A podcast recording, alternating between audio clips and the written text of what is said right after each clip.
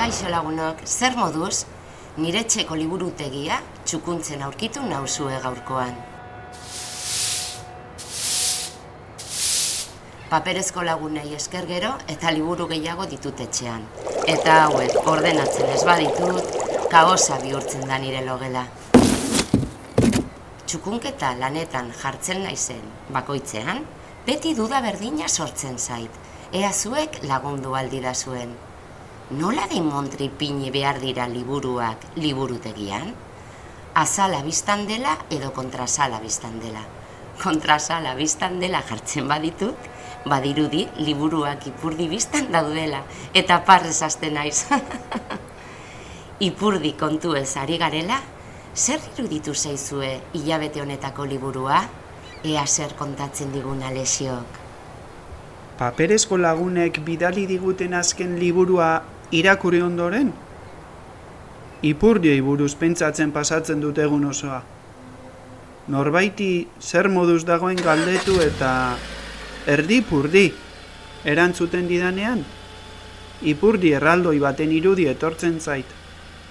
Esnea lapikoan berotzen jarri eta amak kontu salesio erregabe ipurdia bero-bero dago eta esaten didanean ipurdi gorri eta lodi bat irudikatzen dut.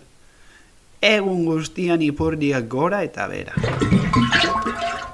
Ez dakit gaur goizean irakaslea brometan ari zen edo ez, baina zuaitz baten urteak jakiteko, bere ipurdia erreparatu besterik ez digula ez digu ba esan, noiz dute zuaitzek ipurdia?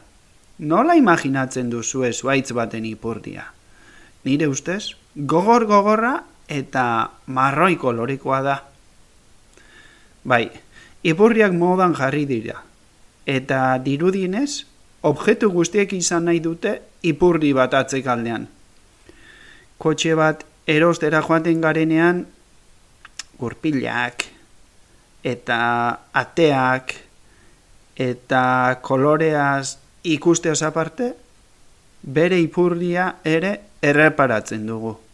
Batzuei luzeagoak eta beste batzuei aldiz motzagoak gustatzen zaizkie. Botila bat etxeko urtxorrotaren azpian jartzen dugunean? Botiletik lehenengo betetzen den gauza edo zatia bere ipurdia dela esaten dugu.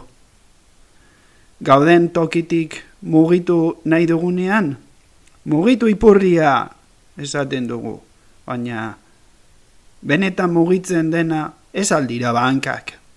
Ez du zentzurik, zergatik esaten dugun orduan mugitu ipurdia.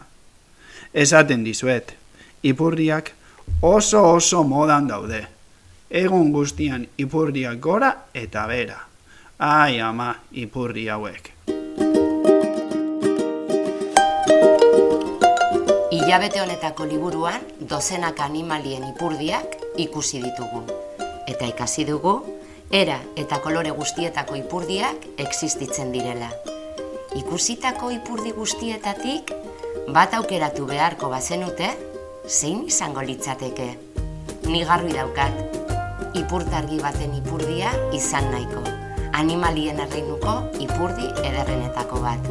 Argia egiten dute, gau ez, argidun ipurdi mordo bategan ikustea, ikuskizun utxa da. Eta zuek, ze animaliaren ipurdia izan nahiko zenukete? Zer izan da hori? Norte montre bota du puskerra?